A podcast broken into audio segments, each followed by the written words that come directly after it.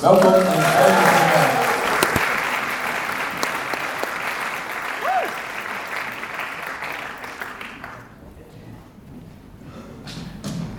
Wauw. Staat er een Rotterdamse applaus, jongens, ja? Ja. Of moet ik daarvoor naar de kidsruimte beneden? Want daar zijn het wel leuk. Oké. Hey, goedemorgen, City Life Church Rotterdam. Uh, het is voor mij een hele eer om uh, bij jullie te mogen zijn in alle nederigheid uh, om iets uit het woord van God te mogen dienen, te delen met jullie en, en daar, daar ook een PowerPoint bij te gebruiken. Die gaat straks gestart worden. Ik heb een heleboel Bijbelteksten meegenomen, want ik hou namelijk heel erg van de Bijbel. Wie houdt er ook van de Bijbel? Die zegt, ja, dat vind ik echt.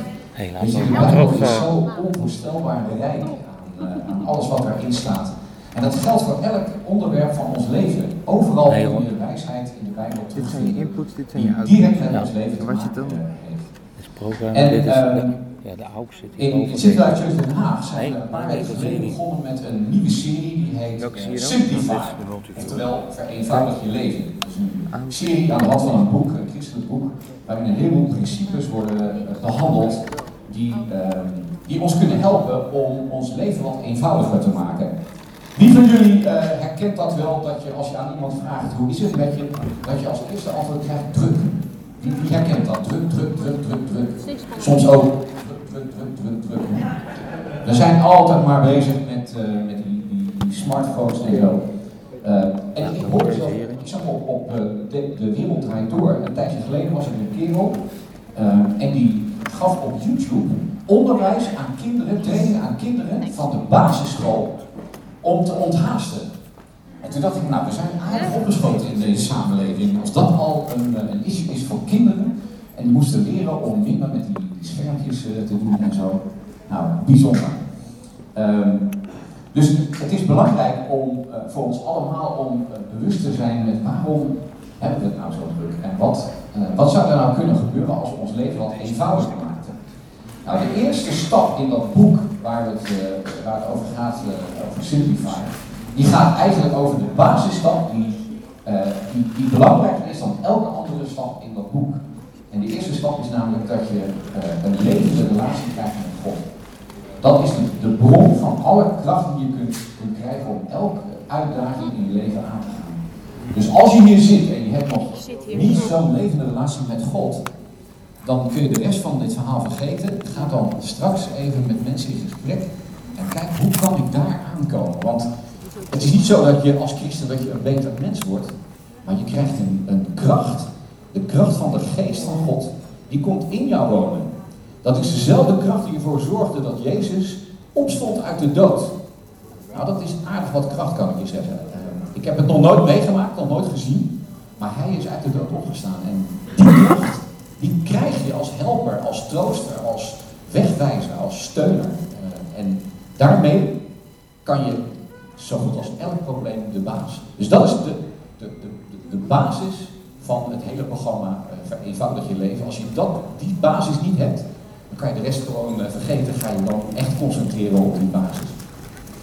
Nou, in dat boek staan verder een heleboel andere onderwerpen, maar eh, het onderwerp waar ik het meest mee heb, en Henk gaf daar ook al wat, wat informatie over, dat is het onderwerp geld.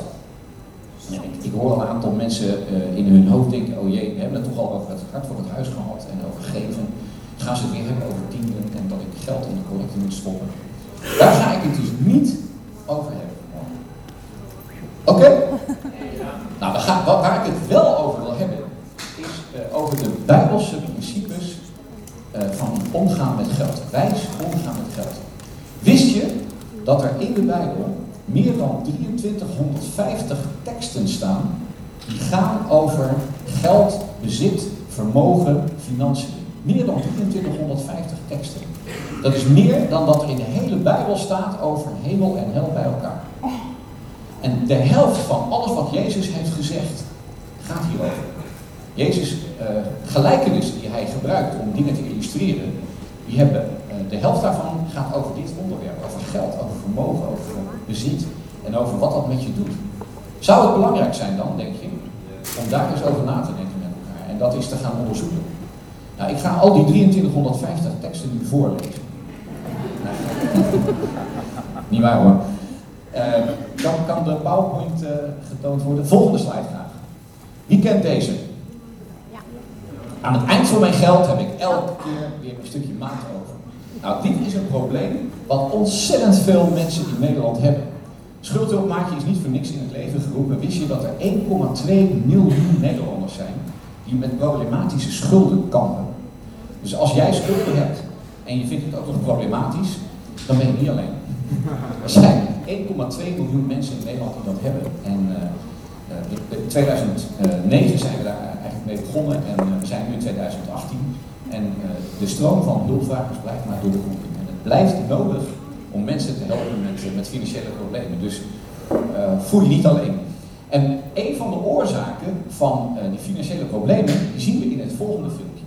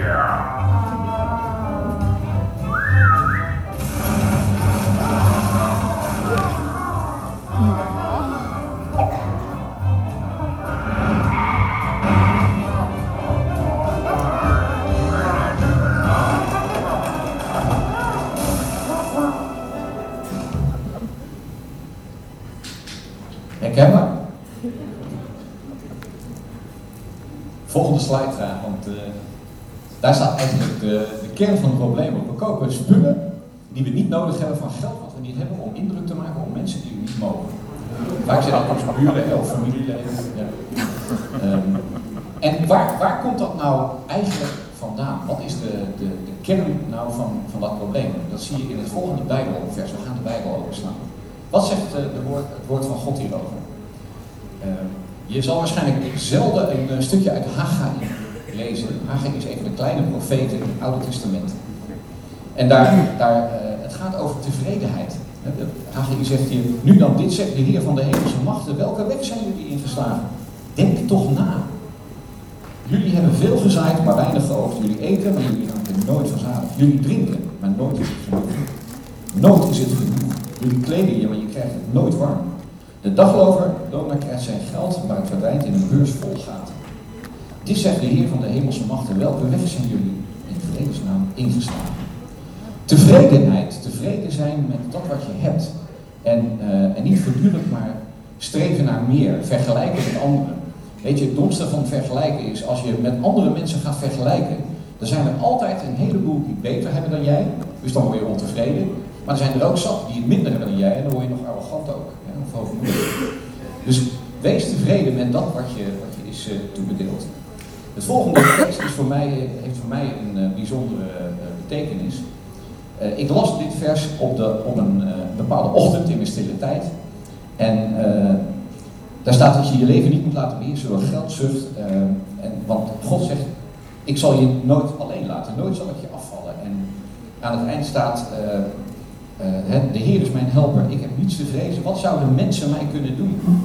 Ik las dit ergens op een ochtend in uh, 2009, begin van de, van de financiële crisis. Ik werkte toen als sales manager bij een klein IT-bedrijf. Ze hadden mij aangetrokken omdat ze veel wilden groeien. Nou, die hele groei kwam weinig terecht omdat de crisis hardhandig toesloeg. En uh, ik kreeg dus een, slecht nieuwsgesprek met uh, de directeur, op zich een goede sfeer, maar ik begreep ook wel uh, dat, ik, dat mijn baan opgeheven zou worden en dat ik dus werkloos zou worden. En ik weet nog dat ik tijdens dat gesprek voortdurend een gevoel van, van rust en blijdschap heb ervaren, omdat ik dit vers die ochtend gelezen had van jullie kunnen mij nooit zo raken uh, dat ik in paniek hoef te raken, want God zorgt voor mij. En dat heeft hij daarna ook uh, enorm uh, aangetoond en bewezen.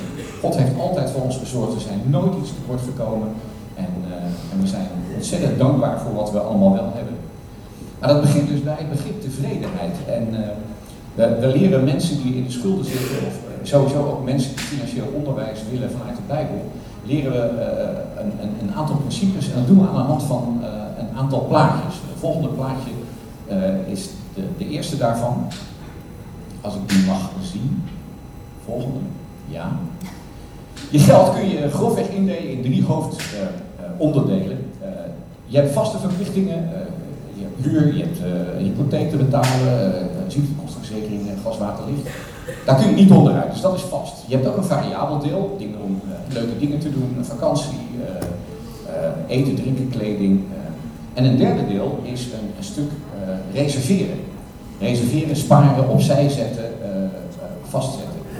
Nou is de ervaring dat naarmate mensen meer gaan verdienen, ik heb dat zelf ook ervaren, ga je ook meer uitgeven. Wij hebben een grote huis gekocht, een duurdere auto, uh, je gaat wat luxe op vakantie, kleding wordt wat, wat, wat exclusiever. maar als je daar maar mee door blijft gaan, dan, dan zul je zien dat je dus altijd tekort komt. En dat je gaat altijd meer uitgeven uiteindelijk dan, uh, dan wat je binnenkrijgt. En dan krijg je wat op de volgende slide staat. Dan krijg je een, soort open cirkel, noemen we dat. Je, je, je hebt geen grens aangegeven van datgene wat voor jou genoeg is. Daarom willen we iedereen aanraden om het volgende plaatje te hanteren. Bepaal voor jezelf samen met God, wat is nou voor mij genoeg? Wanneer heb ik genoeg? En dat, dat hoeft niet uh, dat, er is geen absoluut getal voor. Uh, ik, ik, weet dat er zijn een heleboel christenen, zeker van mijn generatie, die nog steeds geloven dat je als christen heel sober moet leven. Zo weinig mogelijk voor jezelf en zoveel mogelijk weggeven. Vooral aan de kerk en, en, aan arme mensen en goede doelen. sober leven. Nou, dat is niet wat de Bijbel zegt. Als je in de Bijbel kijkt, Abraham was ontzettend rijk.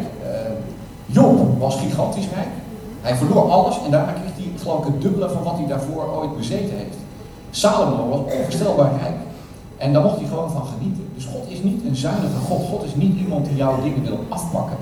Maar hij is wel uh, bezig met jouw hart. Want waar je hart naar uitgaat, daar, uh, daar liggen je prioriteiten. En als je alleen maar bezig bent met die cirkel van genoeg steeds groter te maken en steeds meer te willen hebben voor jezelf, dan ben je dus daarmee bezig in plaats van met wat is nou echt belangrijk in het leven.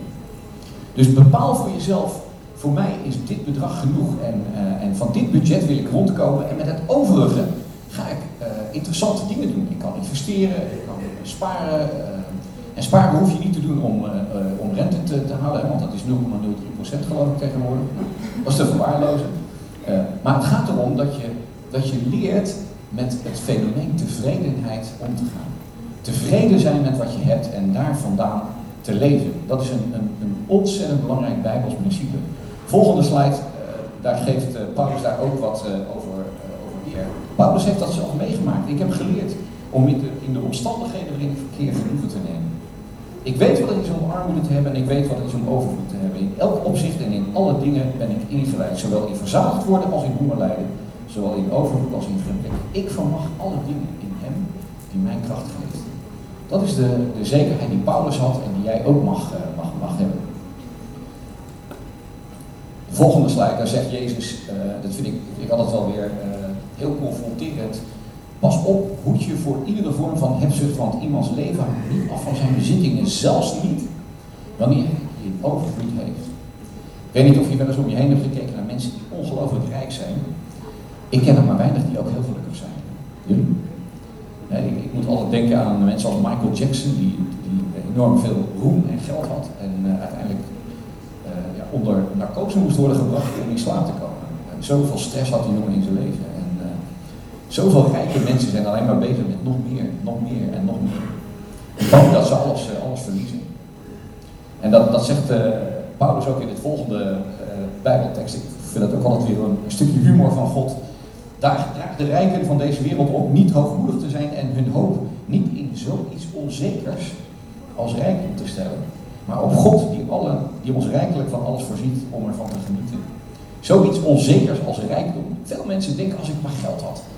Zeker die mensen die wij helpen met schulden. Is, als ik nou uit die schulden was en ik had maar genoeg geld, dan was ik wel gelukkig. De vraag is of dat echt waar is. Die schulden zijn niet zomaar ontstaan. Die zijn ontstaan door ontevredenheid, door te willen hebben wat, je, wat een ander heeft en wat jij uh, nog niet hebt. Niet voor niks is het tiende gebod, gij zult niet begeren. Hè? Je mag niet willen hebben wat een ander heeft. Uh, dat heeft God ook in de Bijbel geschreven. Ik heb voor mezelf een, een, het volgende tekst als een soort levensmotto gekozen om, om te gaan met financiën. En daar zegt de, de, de schrijver van de spreuken, Volgens mij was dat Salomo, maar dat weet ik niet helemaal zeker. Nee, dat was niet Salomo. Uh, hij zegt, houd me ver van leugen en bedrog en maak me niet arm, maar ook niet rijk. Want uh, als ik rijk zou zijn, dan zou ik u misschien verloochenen. En dan zou ik denken, nou ik heb God niet nodig, hier is God. En als ik arm zou zijn, dan zou ik misschien gaan stelen en dan zou ik uw naam te schande maken. Dus geef me genoeg. Geef me wat ik nodig heb en, en help mij dat te bepalen. Help mij op een eerlijke manier te bepalen waar heb ik genoeg aan en hoe kan ik zorgen dat ik met dat genoeg ook uh, goed kan leven en daarnaast ook nog uh, tot zegen kan zijn voor anderen. Dat is het eerste belangrijke basisprincipe. We gaan naar het volgende onderwerp. Ik heb nog heel wat, wat tekst en nog maar 13 minuten. Dus je, je verveelt je geen half uur.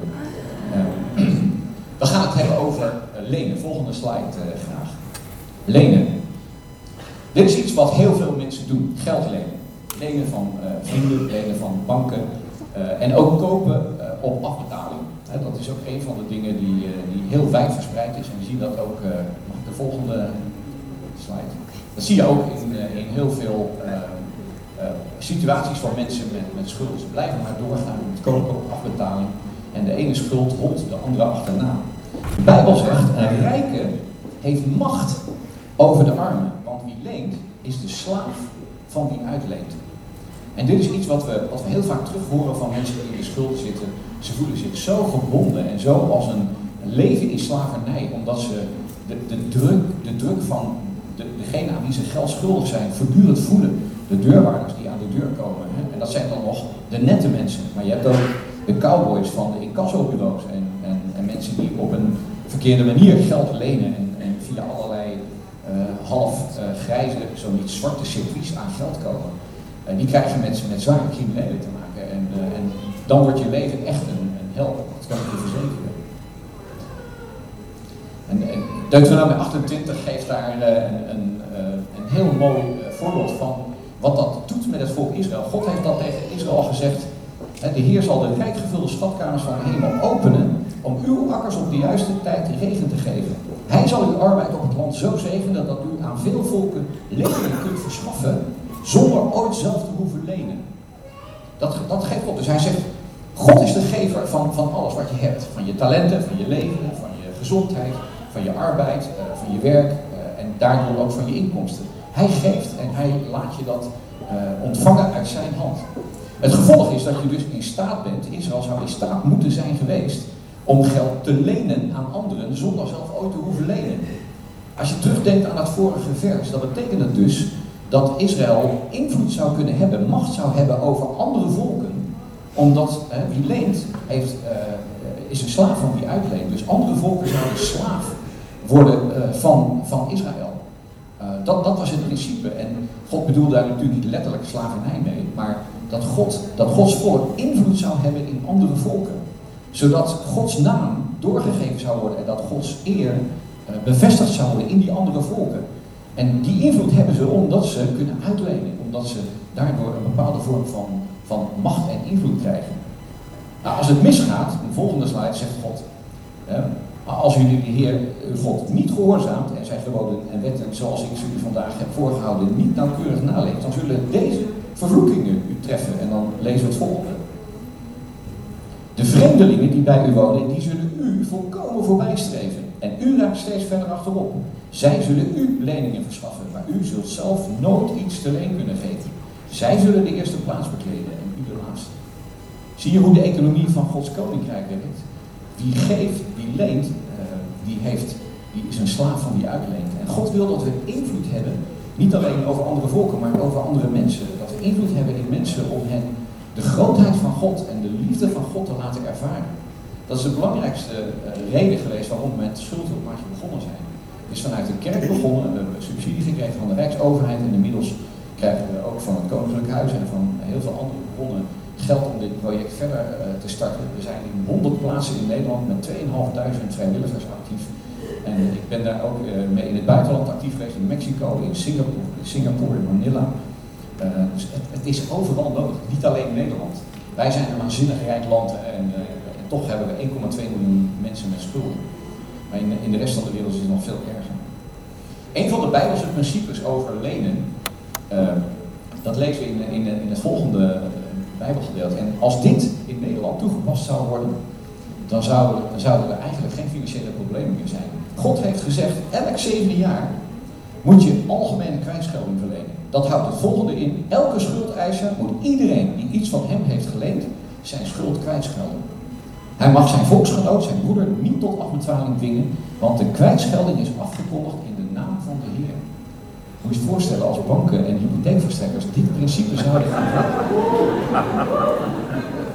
Het zou hartstikke cool zijn, maar het zou ook een hele andere voorwaarde stellen aan wat je kunt lenen. Als jij weet dat volgend jaar het, uh, het salsjaar is waarin alles wordt kwijtgescholden, dan ben je wel wat terughoudender in hoeveel je uitleent of in hoeveel je kan lenen. De mogelijkheden zijn beperkt. God zegt hier eigenlijk, zet er een grens omheen. Beperk hoeveel je leent en zorg ervoor dat je altijd begrensd bent in, in, uh, in, in lenen als het echt nodig is. Mijn standpunt is lenen liever nooit dan, uh, dan laat, liever laat dan nu. Als het echt niet anders kan, als, je, he, als er iets van uh, een belangrijk ding kapot gaat, je auto, een wasmachine, en je hebt de, de, het geld niet, ga naar een vriend of een of familielid voordat je naar een bank gaat. Uh, en als het echt niet anders kan, leen het, maar zorg ervoor dat je het zo snel mogelijk terugbetaald. Wij zien bij schuldhulpmaatje dat de meeste mensen geld lenen voor luxe. Eigenlijk wat je in dat filmpje zag hè, van, uh, van South Park. Een groter huis, mooiere dingen, iets wat een ander heeft, wat je ook wil hebben. Een iPad. En het begint al op de lagere school hè, met, met kleding, met, met, met, smartphones en alles. Maar stel je voor dat dit principe gehanteerd zou worden, jongens, het zou fantastisch zijn. Um, als je schulden hebt, volgende slide, dan is het belangrijk dat je, ze gewoon, dat je aan je verplichtingen voldoet. Het is gewoon zondig als je, als je niet afbetaalt. Wees elkaar niet anders schuldig dan, liefde, dan de liefde. En niet terugbetalen, de volgende slide zegt ook, het is gewoon zonde. Als je niet terugbetaalt, de zondaar vraagt de leen en brengt niet terug. De rechtvaardige geeft uit mededogen. Zie je het verschil? Een zondaar leent, een rechtvaardige geeft. Dat is een belangrijk verschil uh, tussen, ben jij een zondaar, wil je een zondaar blijven, of wil je ook een rechtvaardige zijn in Gods ogen? Wil je kunnen geven en kunnen uitdelen? Wat ook belangrijk is, uh, het laatste van, van deze serie is uh, de volgende slide. Sta nooit borg voor iemand anders. Doe dat nooit. Dat is een, Bijbels principe. Sta geen borg voor een ander. Uh, want jij weet niet of het afbetaald kan worden. En dan kan jouw bed onder je vandaan weggestolen worden. Dus dat is ook een, belangrijk Bijbels principe. Mocht je uh, meer willen weten van, uh, van schuldhulpmaatje, uh, ik heb twee websites genoemd. Uit de schulden.nu. Dus handige tips. daar kun je niet alleen een schuldhulpmaatje krijgen, maar je kunt ook praktisch advies krijgen. Kunt via telefoon of internet, via e-mail of via WhatsApp kun je contact krijgen met ze. De volgende slide is juist voor jongeren. jongeren hebben, andere issues, dus hebben ook andere websites voor opgezet. En mocht je, mocht je daar meer van willen weten, ga gewoon naar die websites en kijk wat er voor hulp mogelijk, is. Want er is zat hulp mogelijk. De meeste mensen gaan pas om hulp roepen als het bijna te laat is. Als de deurwaarder al bijna op de deur drempel staat om het huis te ontruimen. Dan pas schreeuwen ze moord en brand en zoeken ze hulp. En Er kan zoveel meer in Nederland. Iedereen kan loskomen van schuld. Iedereen. En misschien denk je van, ja, voor iedereen misschien wel, maar voor mij niet. Ik heb in Sint Church Den Haag een jongen gesproken van bijna 30 jaar. Die heeft een ton schuld. 100.000 euro. Dat is echt veel. En toch kan het echt opgelost worden. Maar je moet wel willen. En je moet om hulp vragen. Nou, het tegenovergestelde van lenen, dat is het laatste onderwerp van, uh, van vanmorgen. Het is een heleboel, realiseer ik maar ik denk dat het wel, wel belangrijk is. Het tegenovergestelde van lenen is sparen. En wat is sparen? Volgende slide. Sparen is uitgestelde bevrediging. Heb je dat wel eens gerealiseerd? Uitgestelde bevrediging. Dat is vandaag nee zeggen tegen jezelf, zodat je morgen meer ja hebt. En niet meer ja om, om rijk te worden of om bezit te hebben, maar om ruimte te creëren in je leven. Om, om mogelijkheden te creëren waarmee je extra dingen kan doen die je niet kan doen als je niet uh, de marge hebt. Dus leer jezelf, train jezelf in het uitstellen van die bevrediging. En uh, er is een heel beroemd onderzoek, misschien heb je er wel eens van gehoord. wie heeft er wel eens van de marshmallow test gehoord? Marshmallow test, een handvol mensen. 30 jaar geleden in de Universiteit van California, Los Angeles, hebben ze oefening gedaan, een onderzoek met kinderen van 6, 7 jaar van een basisschool. En die zetten zich in een lokaal, klaslokaal met een grote camera's. En die gaven ze een marshmallow, zo'n schuimsnoepje. En de, de leerkracht, de juffrouw, die zei, deze krijg je nu, ik ga even een paar minuten weg. Als ik terugkom en je hebt dat schuimpje helemaal heel gelaten, je hebt er niet aan gelikt, ook niet stiekem wat gewoon gelukt, dan krijg je er eentje bij. Maar als je, uh, als je wel iets van hebt afgesnoept, dan blijft het bij die ene. Nou, de, die filmpjes, uh, dit is echt uh, heartbreaking om te zien hoe kinderen dan worstelen met die verleiding en gedurende zich focussen op dat snoepje en ruiken en, alles proberen. Het is echt geweldig. Daaruit kan je al leren, als je weet dat er iets jou verleidt, zoek dat je ergens anders je aandacht op gaat richten. maar ga weg van die verleiding, want die verleiding gaat je uiteindelijk de kop kosten. Nou, uiteindelijk bleek dat zo'n kleine 30% van de kinderen het volhield. Waren in staat om, uh, om dat, dat ene snoepje niet aan te raken. En die kregen er dus bij. Uh, iets meer dan uh, 30% had gesmokkeld. Die hadden er in kleine stukjes vanaf en hadden geprobeerd om zo te draaien dat u het zag. Dus die, werden ontmaskerd en, en de rest heeft het gewoon niet gered. Um, nou is het interessante, vijf jaar geleden hebben onderzoekers van diezelfde universiteit die, zijn, die, die, kwamen die filmpjes tegen en die dachten, wat zou er met die kinderen gebeurd zijn? Hoe zou hun, hoe zou hun levenspad uh, gelopen zijn? En het verbijsterende was, uh, ze hebben bijna al die kinderen kunnen vinden, niet iedereen, maar een heel groot gedeelte wel. Die 30% hè, die het volhield tot het einde toe, die zijn allemaal bijzonder succesvol geworden in het leven. En uh, goede gezondheid, goed gezin, goede baan, onder, opleiding afgemaakt. Van die overige 70% waren er een, een paar, een handjevol, die boven zichzelf uitgestegen waren. Die op latere leeftijd blijkbaar een doorbraak hadden gehad en die, die wel in staat bleken om succesvol te zijn. Maar het merendeel van hen had geen goede baan, gezinnen waren uit elkaar, gebroken huwelijken, slechte gezondheid, werkloos of slechte banen, financiële problemen. Dus de basis voor uitgestelde bevrediging is een gezond leven. En als jij kinderen hebt, dan is dit iets wat je jouw kinderen kan leren. Wat ze zo jong mogelijk kunnen leren om te weten, ik moet zorgen dat ik, dat ik niet in verleiding kom om, uh, om, hier, uh, om hiermee in verleiding te komen. De volgende slide, daar zegt God ook in, in de spreuken, ga naar de mieren en, en kijk hoe ze, hoe ze werken. Mieren die sparen. Mieren hebben geen leider, maar God heeft het in de mieren gelegd om tijdens de zomer te verzamelen, zodat ze in de winter genoeg voedsel overhouden. De kernvraag is, wat is jouw motivatie uh, met, uh, ten aanzien van geld? En wie rijk wil worden, die staat bloot aan verleidingen en raakt in een valstrik en valt in prooi aan dwaze en schadelijke begeerten die in mensen verderf storten en ten onder doen gaan. Want de wortel van alle kwaad is de geldzucht. Door zich daaraan over te geven, zijn sommigen van het geloof afgedaan. Die geldzucht, eh, het verlangen om meer niet genoegen nemen met anderen, dat, dat is een, belangrijk, uh, een belangrijk punt. Ik wil even naar de, de allerlaatste slide gaan. Um, om daarmee mee af te sluiten, ik heb nog 36 seconden, dus laat dit even op je in, uh, inwerken. Uh, als jij zelf met financiële problemen zit, met schulden zit, neem dan een besluit, neem binnen een besluit. Neem met God een besluit, zeg dit eindigt hier bij mij. Mijn kinderen zullen hier geen last van hebben en ik ga vandaag nog stoppen. Bouw je schulden af, begin bij klein. Dat is uh, een standaard regel, dat werkt altijd. Vraag waar nodig om hulp. Ga naar schuldhulpmaatje, vraag hier in de kerk aan, aan Henk of anderen, help me en, en hoe, kan ik, uh, hoe kan ik verder? Stop met lenen. Je kunt jezelf niet uit de schulden lenen. Snap je die logica? En leef volgens de 10-10-80 regel. Wie kent de 10-10-80 regel? Oh, heleboel al. Uh, dat is mooi. 10%. De eerste 10% van wat je geeft, wat je verdient, geef je terug aan God. Dat is geen offer, dat is teruggeven van wat van God is. Dat is al van Hem, dus je geeft het. Die tweede 10% geef je aan jezelf.